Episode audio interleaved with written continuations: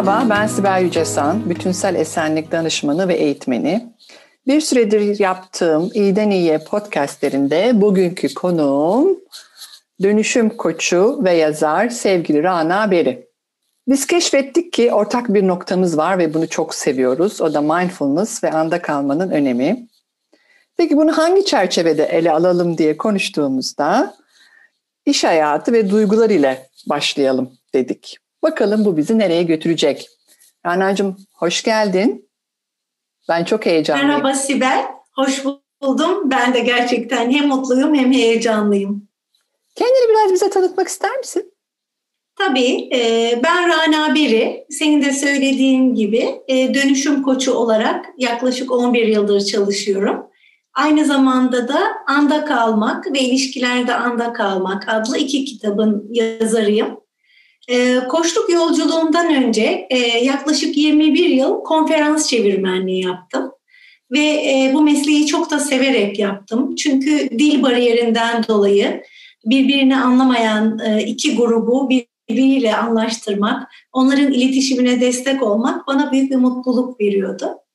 Ama bir süre sonra yaşamımın yaşamımızın belli bir döneminde hepimizin geçtiği gibi ben de farklı ne yapmak istiyorum? Yaşamımın geri kalan döneminde hangi mesleği yapmak istiyorum? Hayatta nasıl var olmak istiyorum? Bunun üzerine biraz kafa yormaya başladım. Biraz düşündüm, birazcık üzerine hissettim. ve de yavaş yavaş çeşitli farkındalıklar yaşadım ve hayatla e, ilgili anlamlandırmamı yeniden gözden geçirdim. E, ve kendimi çok daha e, farkında ve nereye gittiğimi biler, bilen bir vaziyette buldum. Tabii bu süreç halen devam ediyor. Başkalarının da e, bu kendini fark etme, gücüne sahip çıkma sürecine destek olabilmek için e, koçluk mesleğini seçtim. E, ve bununla ilgili de iki farklı ekolü bitirdim. Gestalt ve Erikson. Bunları e, zaten kendi yaşamımda da uzun zamandır yaptığım meditasyon, nefes uygulamaları, NLP gibi birçok disiplinle harmanlayıp kişiye özgü, özgü bir formatta koçluğa uyarladım. Ee, bir yandan da e, beni gerçekten bu süreçte çok destekleyen anda kalabilmek, mindfulness, anda var olmak e, gibi konularda araştırmaya ve e, yazmaya da devam ettim. Kitaplarım da böyle doğdu. Kitaplarımla e, ve koçluğumla, e, danışanlarımla el ele birlikte devam ediyoruz Sibel. Ve de meslektaşlarımla senin gibi. Harika. Ben bu e, hani süzülmüş bilgelikten bu podcast'te çok yararlanacağımızı düşünüyorum. Birinci kitabını okumadım ama ikinci kitabını okudum ve e, çok e, faydalı şeyler gördüm. Yani kendim bu mindfulness konusunda bu kadar pratik yapan ve içselleştirdiğimi düşünen ben ilişkilerimde ne kadar aslında zaman zaman belli tuzaklara düşebiliyorum. Bunu gördüm e, ve bu yüzden de kitabı herkese çok tavsiye ediyorum. Hakikaten eline sağlık, emeğine sağlık diyeceğim. Çok teşekkürler. Şimdi tabii iş hayatında duygular dediğimizde böyle değişik bir konu açmış oluyoruz. Ee, benim bir yerlere götürdü Burana. Hadi ben bir başlangıç yapayım. Ne dersin? Bir yerlere götürdü. Ee, yaşımız ortaya çıkacak ama 1990 Ocak ayında iş hayatına başladım ben. 31 sene bitti. 90'ların sonuydu sanırım. Evet 2000'lerin başı ve 90'ların sonuydu ve bir yöneticim vardı. Uluslararası büyük bir şirkette ülke yöneticisi olarak çalışıyordum. Bağlı bulunduğum direktör bir gün bana dedi ki benle çalışırken iki şey bu ofise gelmesin. Bir tanesi duyguların, ikincisi çocukların. Şimdi o anda şimdi düşünüyorum da o an çok bunu anlayamamışım. Yani ne demek istedi, e, bunun arkasında özel bir nedeni var mıydı bunu da sorgulamamışım. Olduğu gibi kabul etmişim. E, ama tabii hani vardır ya bazı şeyler konuşulur ve kulağına küpe olur. Ondan sonra bir müddet ki iş hayatımı etkileyen bir durum olmuş bu. Yani duyguları ve çocukları işe getirme ve gerçekten buna gayret etmişim. Yani duygularımı saklamak, çocuklarımla ilgili de yokmuşlar gibi davranmak. Tabii kadın olmanın da zorluğuna değiniyoruz aslında burada biraz. Ee, neden dersen, e, o zaman diyorum ki belki de beni biraz da e, korumak adına bunu söylemiş olabilir. Çünkü liderlik dendiğinde e, güçlü olmak gibi bir kavram var. Güçlü olmak dendiğinde de o zamanlarda e, duygular işin içine çok girmiyor. Çünkü 90'ları düşünürsek değil mi? Duyguların zihinsel becerilere ket vurduğu gibi bir algı vardı ve bu yüzden de duyguların kontrol edilmesi gerektiği ama bu kontrol sanki baskılamak yokmuş gibi davranmak tanımında bir kontrol düşünülüyordu. E, bu özellikle e, tepe yönetici olmak istediğinde de bu duygularını e, gerçekten bir yerlerde hani kapının önünde mesaiye başlarken duyguları orada bırakmak, içeri girmek e, ve gene saat mesai bittiğinde kapıdan duyguları alıp eve doğru yola çıkmak. E, enteresan bir durumdu o zaman düşündüğümde bu e, duygulardan e, arınarak devam ediyor olmak tabii çok zorlamış beni. Mesela bir e, projemiz vardı, zorlu bir müşterimiz, gecemizi gündüzümüze kattığımız saatlerimiz, zamanlarımız. Uykusuz kaldım ve projenin son artık sonuna geldiğimiz bir dönemde e, şeyi hatırlıyorum, müşterinin böyle elinin kenarıyla yapmış olduğumuz bütün o çalışmayı bir yere ittiğini ve e, o proje toplantısından çıktığımızda ekip olarak hani duygularımı ağlamak istiyorum, bağırmak istiyorum, öfkelenmişim, her şey birbirine karışmış ama ekibe göstermemem lazım. Neden? Çünkü ben güçlü olmalıyım. Ee, bu bununla hareket ederek geri döndüğümüzü hatırlıyorum. Bu beni çok zorlamıştı. Hatta bir odaya kapanıp orada e, bütün o duyguları akıtmaya çalışmıştım. Şimdi düşünüyorum tabii çok farklı davranırdım o zaman ama e, hani benim aklıma böyle ilk gelen aslında duyguların bir dönem iş yerlerinde işi olmadığı, sonra hayatımıza giren işte Daniel Goleman ki 90'ların ikinci yarısında Daniel Goleman'ın e, duygusal zeka kısmı vardı bu işe almada ya da yetkinlik değerlendirmelerde kullanılıyordu. Ama çok içselleşmemişti hala. E, ve bu yüzden de özellikle kadın yöneticiysen e, kadınların duygularını saklamak konusunda yetersiz kaldıkları gibi bir algı olduğu için çünkü ben çok eril dünyada çalıştım. Bu bekleniyordu duyguları bir kenara it. Günümüzde tabii her şey değişti. Sen ne düşünüyorsun bu konuda Rana? Biz aşağı yukarı aynı yaşlarda olduğumuz için e, bu süreci çok net bir şekilde biliyorum. E, ben de hem dışarıdan, arkadaşlarımdan, e, meslektaşlarımdan hem de kendim de iş dünyasında olan bir kadın olarak bunu çok net bir şekilde hissettim. Hatta bizim zamanımızda biliyorsun meşhur İngiltere Başbakanı Margaret Thatcher vardı ve Demir Lady'ydi ünvanı. Demir nedir? Demir böyle sert, hiçbir şeyin aşındıramadığı, yıpratamadığı ama aynı zamanda soğuktur. Yani o kadar soğuktur ki e, yanına yaklaşamazsın, kolay kolay cesaret edip şey yapamazsın.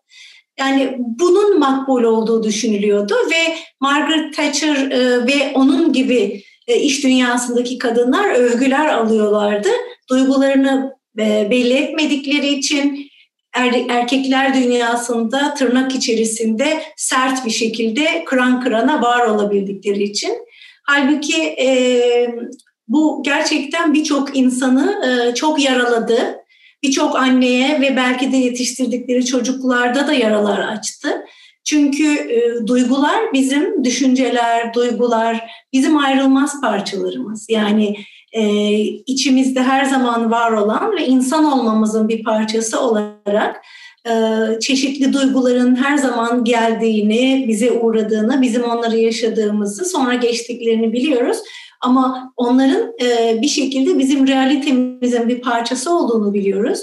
E, olmadıklarını söylemek, çocuklarımızdan bahsetmemek, evde ateşlenmiş bir çocuğumuzdan patronumuza bahsedememek, hatta e, grubumuza eğer bir lidersek hiç kimseyi bunu anlatamamak, o sıkıntıyla baş başa sanki muş gibi yaparak orada performans sergilemeye çalışmanın insanı gerçekten ortadan böyle acı bir şekilde ikiye yardığını ve gerçekten de bunu yapmaya çalışan kişinin gerçek performansından, potansiyelinden çok şey götürdüğünü düşünüyorum.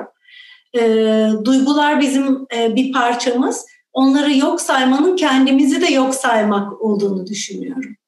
Evet aynen değil mi? Şimdi biz e, mindfulness ya da anda kalmak dediğimizde aslında dikkatimizi her zaman hem bedenimize hem düşüncelerimize, zihnimize hem de duygularımıza getiriyoruz. Yani o üç şeyin farkındalığı zaten aslında mindfulness'ın birincil e, tanımı. Ama e, bunlardan bir tanesini aldığında gerçekten kendimizle olan bağlantımız kopmuş oluyor ve o iş hayatı içerisinde o bağlantı kopukluğu aslında gerçek bağları yani sosyal bağları da çok zedelemiş olabiliyor.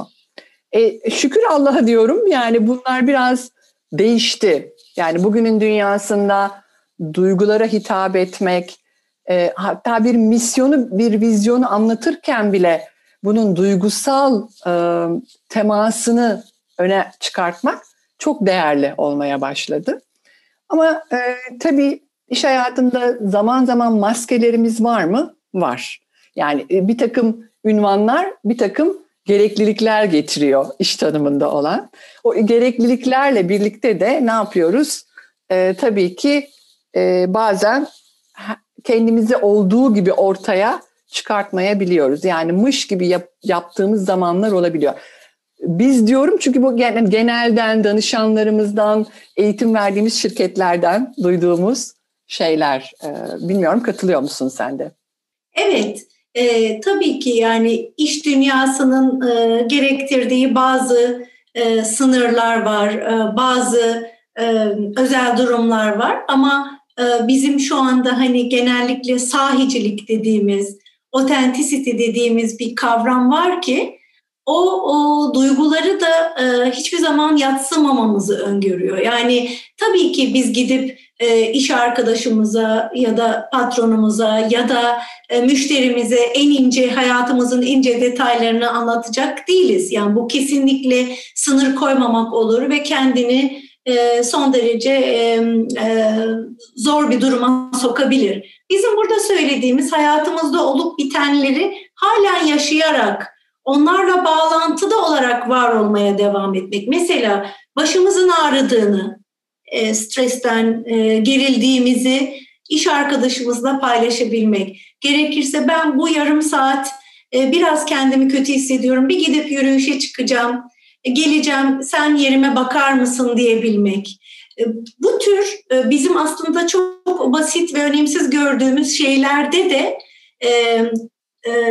kendimizde olmayı, merkezimizde olmayı ve bunu olduğu gibi paylaşabilmeyi kastediyorum. Yani duygularla iş yerinde de olabilmek. Çünkü bunu yapmadığımız zaman yani çok sıkıldık, aklımız çocuğumuzda ya da büyük bir sorunumuz var. Bu yokmuş gibi davranarak orada olmaya, mesela bir lider olmaya çalıştığımızda onu da hakkıyla yapabileceğimizi sanmıyorum. Yani duyguları bastırmanın sadece sosyal ilişkilere değil, aynı zamanda gerçekten iş performansını da olumsuz yansıyacağını düşünüyorum. Çok haklısın. Aklıma şöyle bir şey geldi. Ne olduğunu yani kendi e, verdiğim örneğe geri dönersem şimdi anlıyorum analiz ettiğimde uyuşturmuşum ben aslında duygularımı. Yani e, uyuşturduğun zaman tabii paket tümüyle geliyor. E, üzüntünü, stresini, öfkeni, saklamaya çalıştığında aslında neşeni, mutluluğunu, e, işte sürprizlerini, heyecanını, pek çok şeyi uyuşturmaya başlıyorsun. Onları da yok sayıyorsun. Ayıklama yapamıyorsun aslında ve belki de birlikte geçirilebilecek o tatlı anların e, keyfine varmaktan da kendini alıkoyuyorsun ve takımını da alıkoyuyorsun. Allah'tan bu benim başıma böyle gelmedi tabii. Çünkü bu onunla olan, patronla olan ilişkimde vardı ama kendi ekibimde olduğunda ben daha doğal e, ve e, inandığım değerlerle yönetmeyi seçtim. Ama onunla olan tarafta belki de neşemi, e, eğlen yani eğlenceli taraflarımı da ortaya koymak varken e, bundan da o ilişki yoksun kalmış oldu. Aslında yoksunluk da çekiyor ilişkiler. Olumsuzu ya da zorlayan tarafı aldığında e, bütün paket bir arada Kesinlikle. Yok oldu. Kesinlikle. Bu bana bir danışanımı hatırlattı. Yıllar evvel e, bir e, sosyal sorumluluk projesi çerçevesinde üniversiteli bir genç e, arkadaşa koçluk yapıyordum. E, kendisi İstanbul'daki bir üniversitedeydi. Bir, bir, bir Anadolu kentinden gelmişti. Ve e, bana aynen şöyle dedi. Ben kendimi arkadaşlarımın yanında çok donuk hissediyorum.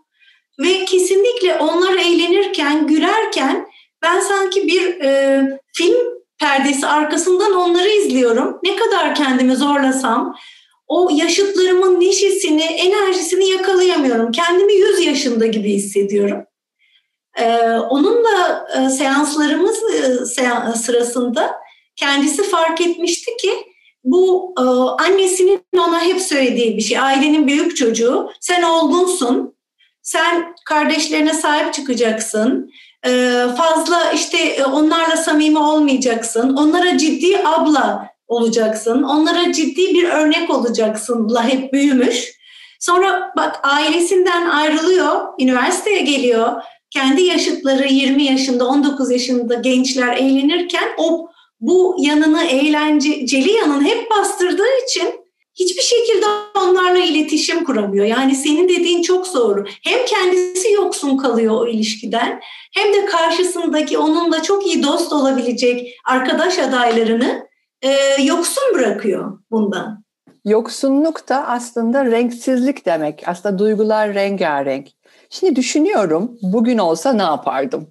Hani vardır ya bugünkü aklımla eski bene ne derdim? Tabii büyük ihtimal şöyle bir şey sorardım o gün patronuma, yöneticime. Derdim ki neden böyle bir şey bekliyorsun? Yani bu soruyu ya da bunu neden istiyorsun benden? Anlamaya çalışırdım. Yani arkasında neyi anlatmak istiyor gerçekten? Beni korumak mı istiyor? Farklı bir e, yani Sibel mi karşısında görmek istiyor? Niye bana böyle bir şey söylüyor?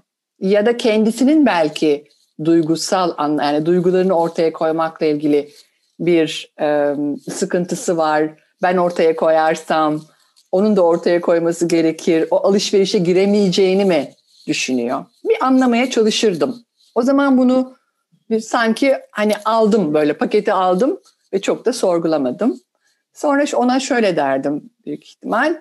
Ben işte bedenimle, zihnimle, duygularımla bir bütünüm. Yani duygularımı alırsan aslında performansımı köreltirsin. Yani ortaya çıkardığım sonuçlar, yaratıcılık, e, ilişkimiz, takımı yönetmem, bütün burada duygularımın çok önemi var. Ama tabii ki ben hangi duyguyu ne kadar ortaya koyacağımla ilgili kararı verebilecek akla da sahibim. Yani orada da senin bana güvenmeni istiyorum. Ama böyle bir şeyi baştan böyle çok büyük bir genelge gibi ortaya koymandan hoşlanmadım diyebilirdim. Çocuklara gelince tabii bambaşka bir şey orası, başka bir sayfa diyelim. Hakikaten çocuklarımla ilgili olarak da aile olduğumu ve çocuklarımın benim e, ihtiyaç, dikkatime ihtiyaçları olduğunu ve dolayısıyla gün içerisinde olan kritik anlarda tabii ki onlarla birlikte olabileceğimi, onların benim hayatımın içinde olduğu için onlardan bahsedebileceğimi e, ve e, bunun da çok keyifli bir şey olabileceğini, hatta onun da çocuklarıyla ilgili benim de duymak isteyeceğim şeyler olabileceğini, eninde sonunda insan olduğumuzu e, belirtirdim. O zaman onun çocuğu yoktur Rana. Çok enteresan bir şey söyleyeceğim. Yıllar sonra çok geç çocuğu oldu ve hep çocuğundan bahsetti bana. Buna ne dersin? Evet, ben e, buna hayatın e, insanlara altın e, öğretiler sunması olarak yaklaşıyorum. Gerçekten de eğer belki de geriye dönebilseydin ve ona bu soruyu sorabilseydin, en azından belki olduğu gibi almayacaktın. Onun nereden geldiğini bunu bilecektin. ve de o da senin belki de senin bu sözlerinle kendine gelecekti E, peki ben de sana bir soru sormak istiyorum şimdi. E, yeni bir e, anne olan bir çalışanın olsa ve sana e, senin yanında sana bir lider olarak e, seni örnek alan, senden ilham alan ve seninle çalışmak isteyen bir çalışanın olsa ya da çalışan adayın ona bu bağlamda ne söylemek istersin? Benim bu konuda çok da iyi başka bir örneğim oldu. Bir lider, o da bir kadın. İkinci, yeni bir iş yerine girmiştim. Şimdi seneyi çok hatırlayamayacağım. Patronum bu sefer kadın. Ben genelde hep erkeklerle çalıştım ama bir e, iş yerinde kadındı patronum. Bir danışmanlık şirketiydi. Ve birinci sene sonunda hamile kaldığımı ikinci çocuğuma öğrendim. Ve de dedim ki eyvah ben çok yani yeni çok yeniyim burada ve bunu nasıl hani söyleyeceğim? O zaman böyle bir şey hissediyorum. Bu tabii kızım 23 yaşında olduğuna göre 24 sene önceden bahsediyorum. E, ve bana inanılmaz bir şekilde hani beklemediğim bir şekilde diyeyim e, dedi ki ah çok sevindim. Ne demek? O bizim ailemizin bir parçası olacak bundan sonra. O yüzden keyifle hamileliğini sürdür. Ne zaman ihtiyacın olursa izni alabilirsin, esneklik gösterebiliriz sana demişti. Bunu hiç unutmuyorum. Bu çok önemli bir liderlik dersiydi benim için. Bir kadının bir kadına el uzatması. E, onun da tabii çocuğu vardı ve böyle bir anlayış geliştirmiş olması beni çok etkilemişti. Evet aynı şekilde davranırdım. Yani o liderimin bana söyledikleri zaten e, bu konuda hani ailelerimizle birlikte varız. Oradaki hayat, iş hayatı, sosyal hayat diye kesin çizgilerle ayrılmıyor ki maalesef. Her şey de birbirine bugün çok karıştı değil mi? Evin içine evet. işi tıkıştırdık. E, dolayısıyla e, kollarımı açardım diye düşünüyorum ve ne zaman isterse, hangi konuda destek isterse vereceğimi söylerdim. Esneklik çok önemli bir anne için çalışma hayatında. Yani gerekiyorsa çocuğunun yanında olabilmek, ona öncelik verebilmek. E, bunu açık çek olarak ortaya koyardım zaten diye düşünüyorum. Çünkü çok e, önemli. Yani kafamızda çocukla ve aileyle ilgili bir soru ya da sorun olduğunda zaten e, kendimizi işe vermek, performansımızı e, sürdürmek çok kolay olmuyor. Bu yüzden bence açıklık güveni getiren bir şey. Yani baştan her şeyin söylenmesi, konuşulması ve o alanın açılması karşıyı rahatlatır diye düşünüyorum. Evet, kesinlikle çok kıymetli. Senin o yıllar evvelki liderinin söylediğin cümle bile yıllar sonra bana çok etki etti ve ben e, insanlık adına, e, kadın dayanışması adına çok iyi hissettim. E, bu programın zamanı da manidar aslında. Kadınlar Günü yaklaşıyor ve kadınların iş hayatında yer alması için e, oldukları gibi çocuklarıyla, aileleriyle, anne kimlikleriyle de orada var olmaları için e, onları desteklemek çok çok önemli bir şey ki çalışma hayatında devam etsinler, sonuna kadar erkenden e, işten ayrılmadan devam edebilsinler. E, erkek meslektaşlarıyla birlikte aynı süreçlerde var olabilsinler, e, aynı işlere talip olabilsinler. E, bizlerin de e, koçlar olarak, işverenler olarak bu konuda e, hem toplumu aydınlatmada hem de e, sosyal sorumluluk projelerinde destek olmakta çok e, önemli bir rolü olduğunu düşünüyorum. O yüzden bu programın şu anda tam kadınlar öncesi de anlamlı olduğunu düşünüyorum. Yani kızlarımıza, kız çocuklarımıza, e, toplumdaki tüm e, kızlara, kadınlara e, bu konuda destek vermek cinsiyetler arası eşitlik açısından da çok kıymetli. Çok haklısın. Çok da güzel belirttin. Hakikaten 8 Mart öncesi bu konuyu ele almış olmamız da çok kıymetli oldu diye düşünüyorum. Tabii o hafta çok seminerler olacaktır, konuşmalar olacaktır, Zoom toplantıları olacaktır ama bu konu e, sadece bir haftalık bir konu değil tabii ki hayatımızın içinde var olan. Uzun zamandır da aslında üzerinde e, kafa patlattığımız, yorduğumuz, ben bir zamanların da STK'cılığını yapmış olduğum için bu konuyla toplumsal cinsiyet eşitliği konusunda sivil toplum kuruluşu, yönetim kurulu başkanlığı vesaire hani her zaman hakikaten e, dikkatimizde olan bir konu. O yüzden e, ne iyi oldu bunu da dile getirmiş olman. Senin danışanlarından Rana, e, iş hayatında olan kadın erkek diye baktığımızda e, kadınların duygular konusunda iş hayatında çektiği böyle özel zorluklar var mı? Ya da kitaptan örnekler vermek ister misin? E, kitapta da bir miktar e, dile getirdim e, ama özellikle kadın olarak iş hayatında var olmanın getirdiği e, ekstra bir zorluk var. Şimdi e, önce şeyden başlayalım. Yani duyguların iş hayatında dahil olması, doğal karşılanması ve e, duyguların farkında olarak yaşanması hem kadın hem erkekler için şimdiye kadar e, bir kırmızı alandı diyelim. Yani tabii iyi niyetli girişimler dışında son zamanlardaki bazı gelişmeler dışında genel anlayış olarak hani iş hayatı gerçekten de duyguların fazla girmemesi gereken bir şey. Ee, bir yandan da erkekler de tabii bundan nasibini alıyor. Çünkü erkeklerin ifade edebileceği bazı duygular var toplum tarafından reva görülen. Bir de kadınların ifade edebileceği bazı duygular var genel toplumda. İşte kadınlar birazcık daha tırnak içinde duygusal olabilirken erkeklerin daha sert e, ve daha e, zor durması, daha e, disiplinli durması reva görülüyor. Onun dışındakiler de kırmızı alana giriyor. Ama e, bir de kadınlara ayrıca e, ayrıca erkeklerden de farklı olarak rollerini e, yok saymaları, anne rollerini, e, eş rollerini, genellikle toplumumuzda anne babanın bakımı kız evladın üstündedir biliyorsun. Yani erkek ve kız kardeşler arasında erkek genellikle daha hani uzaklarda bir yerde olan, gerektiğinde çağrılan, doktor randevusuna işte ablası gidemezse annesiyle giden e, bir durum vardır. E, genellikle uzakta tutulur. Çok mecbur olunmazsa yardım istenmez ve kız evlatlar burada da yaşlanan anne babaları için de birinci derecede destek olmak durumundadır. Bunlar hayatın gerçekleri ve onlarla ilgili tabii ki bir sürü duygumuz var. Yaşlanan ebeveynlerimize üzülüyoruz. Onların sağlık sorunları başlıyor. Fiziksel olarak işten izin alıp nasıl çocuğumuzun okulda bir gösterisine giderken yaş ilerledikçe yaşlanan anne babamızın sorumluluklarını gidermek için de işten izin almak ya da iş arkadaşlarımıza, patronumuza bunu anlatmak durumunda kalıyoruz.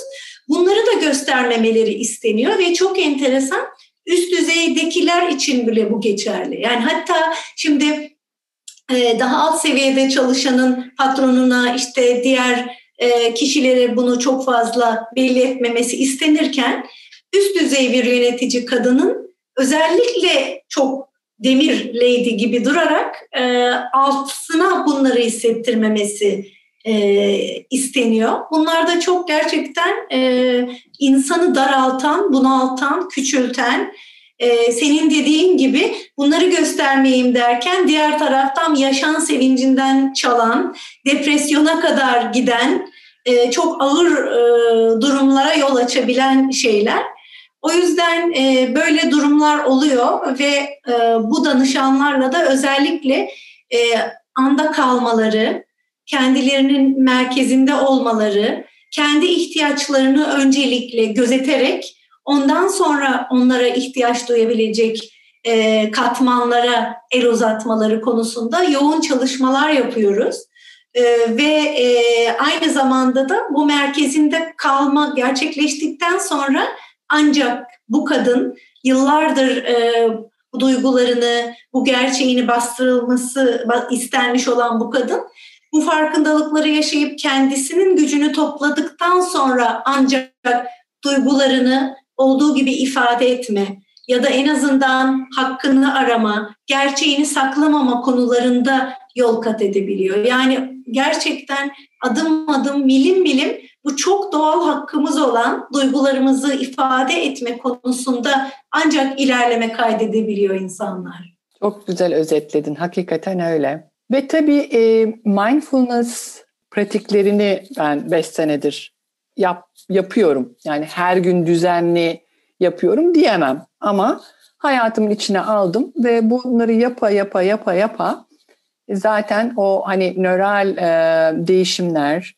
yeni sinapsler vesaire bunların oluşumu bir şekilde oluyor. Onu görüyorum çünkü istediğim zaman zorlayan durumlar karşısında verdiğim tepkiler değişti. Daha doğrusu tepki değil, hayata bir yanıt verebiliyorum. Tabii duyguları iş hayatında ifade edebilmek için duygu farkındalığıyla başlamak lazım değil mi? Ee, önce istersen şöyle de bir şey yapalım mı Rana? Böyle bir duygu çevikliği e, diye bir kavram var. Bu duygu çevikliği kavramının içerisinde e, beş tane adım var. O beş tane adımın üzerinden birlikte geçelim mi? Zamanı da gözeterek. Tabii. E, tabii belki, ki, tabii ki. Ne güzel olur. Ne güzel olur. Bizi dinleyenler de e, bununla ilgilenirlerse bununla ilgili farklı e, bilgileri de bulabilirler aslında. Etrafta da var. E, duygu farkındalığı ve duygu e, çevikliği dediğimizde şöyle basit beş tane adımı izleyebiliriz. Diyelim ki iş yerindeyiz ve bir e, müşteri ile görüşme yaptık. Bir e-mail geldi. E, oldukça bizi e, öfkelendirdi, e, zorlayan bir duygu içine girdik. Bu öfke olabilir. Onun dışında ne bileyim bir toplantıdaki bir endişe olabilir konuşulan konularla ilgili. Bu kadar pandemi ve belirsizlik var. Çok şey olabilir. Hani ben daha çok burada olumsuz demiyoruz ya biz duyguları, zorlayan duygulardan bahsediyorum. E, bu e, anlamda birinci adım aslında böyle bir şey olduğunda olanı biteni bir bırakıp yani o e-mailin başından uzaklaşmak. E, o, o toplantıda mesela benim bir formülüm vardı. Böyle çok zorlayan bir şey olduğunda dikkatimi suya verirdim. Yani suyu al, suyu iç, e, işte suyun tadı, kokusu nasıl? Çünkü o beni e, muhakkak ki şimdiki ana getiren ve hizalayan bir şey olurdu. Yani elimin altında hep bir su olduğu için toplantılarda. E, veya işte toplantıdan evet. çıkmak ve bir durmak. Birinci adım durmak. Bir dur. O durma anında da nefesimize odaklanmak bir formül. Ama farklı şeylere de odaklanabiliriz. Hani bu su olabilir. Beş duyuyu kullanabiliriz. O anki bir e, işte pencereden bakıp dışarıdaki manzaraya bakmak olabilir e, farklı bir işte bedenimin giys, e, giysinin beden üzerindeki temasına odağa getirmek olabilir ama bir durmak. Birinci adım bu. Bir şey eklemek ister misin böyle adım adım gittiğimizde? Gerçekten de bu dediğin çok önemli. Yani o anda durmak ve e, mesela dediğin gibi beş duyu, suya bakmak, diyelim elimizde bir bardak su var, o suya bakmak, gözümüzle rengini görmek, e, sonra ağzımıza alıp tatmak, belki şöyle bir çalkalamak, şişede sesini duymak. Yani beş duyu mümkün olduğunca e, devreye sokmak. Çünkü biz biliyoruz ki zihnimiz, duyularımız devrede olduğu zaman oraya giremiyor. O alana giriş yapamıyor. E bizim amacımız da o zihin yoğunluğunu birazcık sakinleştirip kenara almak ve bütün bu sisin arasından gerçekten ne oluyor fark etmek olduğu için e, bunlar çok önemli. Nefes çok çok önemli. E, özel bir şekilde nefes almaya da gerek yok. Sadece almayı ve vermeyi gözlemlemek. Bir de e, avuçlarımızın içindeki enerjiyi fark etmek. E, çok basit bir yöntem ama bunlar gerçekten bizi oradan o düşebileceğimiz yerden hani senin demin çok güzel söyledin tepki vermekten alıp yeni yanıt verme aşamasına getiren e, destek yöntemler. Evet bizi otomatikman beden ve e, duygulara yani duyulara e, yöneltmek e, dikkati otomatikman şimdiki ana getiriyor. İkincisi e, duyguyu aslında tanımlamak ve etiketlemek. Yani bende nasıl bir duygu var? Soru bu aslında. Şu an ne, nasıl duygular var bende? Bu duyguların ismini koymak. Yani mesela ne olabilir bu? Ben de ben e, bazen diyorum ki işte ben de Sibel sen de şu an öfke duygusu var. Yani biraz böyle üçüncü bir şahıs gibi sanki kendime ziyarete gelmişim, sandalyeyi çekmişim, yanıma oturmuşum. Ben bana sohbet eder gibi. Ben de şu an ne var? Bir kendimize bir alan tanımak. Bunun cevabı böyle hemen pat diye gelmeye de biliyor. Bazen bir sessizlik, bir derinleşme ve o duyguyu bir etiketlemek. Çünkü etiketlediğimizde aslında e, duygudan dışarı çıkmış oluyoruz. Ve zaten o zaman ikinci aşama bizi çok rahatlatan bir aşama olabiliyor. Evet, etiketlemek zaten adı da üstünde. Hemen görsel olarak da bir imge e, gözümüzün önüne geliyor değil mi? Mesela belki bir post-it gibi, belki bir beyaz etiket. Yani bir şeyin şak diye bizim dışımızdan çıkıp orada görünür hale gelmesi. E bir şeye dışarıdan bakabilmek demek. Sen onun içinde değilsin demek. E, gerçekten ben e, birinci kitapta da bundan bahsetmiştim. E, ikincisinde de etiketlerden bahsettim.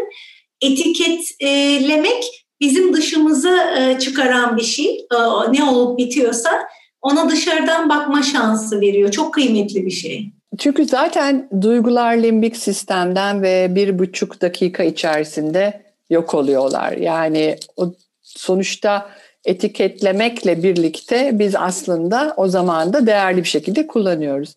Üçüncüsü de o duyguda biraz kalmak aslında. Yani o duyguyu e, ya izin vermek, kabul etmek. Bazen şey oluyor, e, ben öfke duygusu duyamam.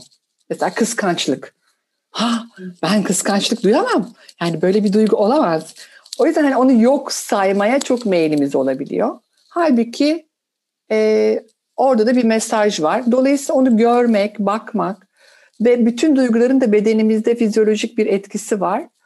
Onu da görmek. Hani ne oluyor şu an bende, bedende? İşte kalbim sıkışıyor, ellerim e, terledi, hani başıma kan e, bastı vesaire. Hani neyse onun deyimi. Bunu da bir gözlemlemek ve bedende olan değişiklikleri de e, de farkına varmak. Evet, Üçüncü adım bu. Kesinlikle ruh, zihin ve beden bir bütün. E, hepsi bir şekilde zincirleme birbirini takip ediyor. E, bu bunları bu bu cycle'ı gördüğümüz zaman da e, iyice işin e, bunun dışına çıkma gücümüz artıyor. Güç bizde. Çok güzel söyledin. Dördüncüsü bu. Duyguyla özdeşleşmemek. Duyguların beni bana sahipliği yok aslında. Duygulara ben sahibim. Ee, mesela şöyle şeyler duyabiliyoruz. Ben öfkeli bir insanım. Ben kıskanç bir insanım. Ben endişeli bir insanım. Yani bu gibi bunları bir etiket olarak almak yerine ben zaman zaman öfke duyuyorum ya da ben zaman zaman kıskançlık duyuyorum. Çok özdeşleşmemek işimize yarar. Dolayısıyla bu da farklı bir adım. Ne dersin? Kesinlikle. Zaten işte ben her zaman şöyleyim, ben hiçbir zaman bunu hissetmem dediğimiz zaman o zaman kendi insan oluşumuzla ters düşüyoruz. Demin ilk başta da söyledik bir duygu skalamız var ee, ve bunun içinde her renk var. Kıskançlık var, sevinç var, cömertlik var, yardımseverlik var ve değişik tonlarda da olsa hepimizde her şey var. Bunun bizde olmadığını söylemek ger gerçeği inkar etmek oluyor. Kendimizi kendi gerçeğimizden kopartıyoruz ama bir şeyi nasıl söylediğimiz biliyorsun çok çok önemli. Yani ben kızgın bir insanım demek yerine ben zaman zaman kızabilen bir insanım. Ben zamanlarım dediğin zaman bir kere olayın kendi üzerindeki enerjisini değiştirmiş oluyorsun. Ve böylece hayattaki varoluşun üzerindeki enerjiyi tamamen farklılaştırmış oluyorsun. Ve son adım. Sen ne yapıyorsun onu da merak ediyorum. Ve o duyguları sağlıklı bir biçimde akıtmak. Yani halının altına aa gördüm etiketledim ama gene de halının altına süpüreyim orada kalsınlar demek yerine bunları bir şekilde akıtmak. Ben ne yapıyorum? Sabahları 6 dakika yazıyorum uyandığımda. Her sabah yapamıyorum ama böyle bir zorlayan sabahlar bazen uyandığında daha bir duyguyla kalkarsın ya. O zaman akıtıyorum onları beyaz sayfalara. Öfke varsa dans etmeyi seçebiliyorum. E, müziği açıyorum, sevdiğim bir parçayı koyup. Olabildiğince bir 10 dakika dans ediyorum. Bunun dışında sanat, müzik değil mi? Bunlarla akıtmak evet. mümkün olabilir. Kesinlikle. Ee, ben de e, olabiliyorsa, vaktim varsa e, bir şeyler yazıyorum. Yani kalkar kalkmaz Hatta bu belki e, dinleyicilerimize, e, izleyicilerimize önereceğimiz bir şey olabilir. E, sabah sayfaları da deniliyor bu çalışmanın adına. E, sabah kalkar kalkmaz akşamdan yanımıza aldığımız bir defter işi kolaylaştırabilir. hiç elimizi kaldırmadan böyle bir bir süre bir 5-6 dakika kadar belki 3 sayfa dolduracak kadar o anda içimizden ne geliyorsa yazmak ve böyle işte noktaya virgüle dikkat etmeden hatta kendimiz bile okumadan ne yazdığımıza yazmak tamamen aklımızı netleştiriyor ve o zihnimizin ben kitap rafları diyorum o kitap o duyguları, düşünceleri, o enerjiyi hafif hafif yerleştiriyor. Eğer buna vaktim yoksa e, her sabah meditasyon yapıyorum ama 10 dakika yapıyorum, 5 dakika yapıyorum. Bazen e, çıkmam gerekti evden, otobüste yapıyorum. Ama burada belli bir meditasyon şeklini de e, özellikle şu anda önermemize gerek yok. Sadece mesela nefes olabilir demin söyledik. Bir renge odaklanmak olabilir, seslere odaklanmak olabilir. Orada bir şekilde durmak, ee, tekrar aklımıza yoğun bir düşünce gelince tekrar kendimizi nefese ya da o görüntüye e, getirmek gibi basit yöntemler bir şekilde duyguları dengeliyor.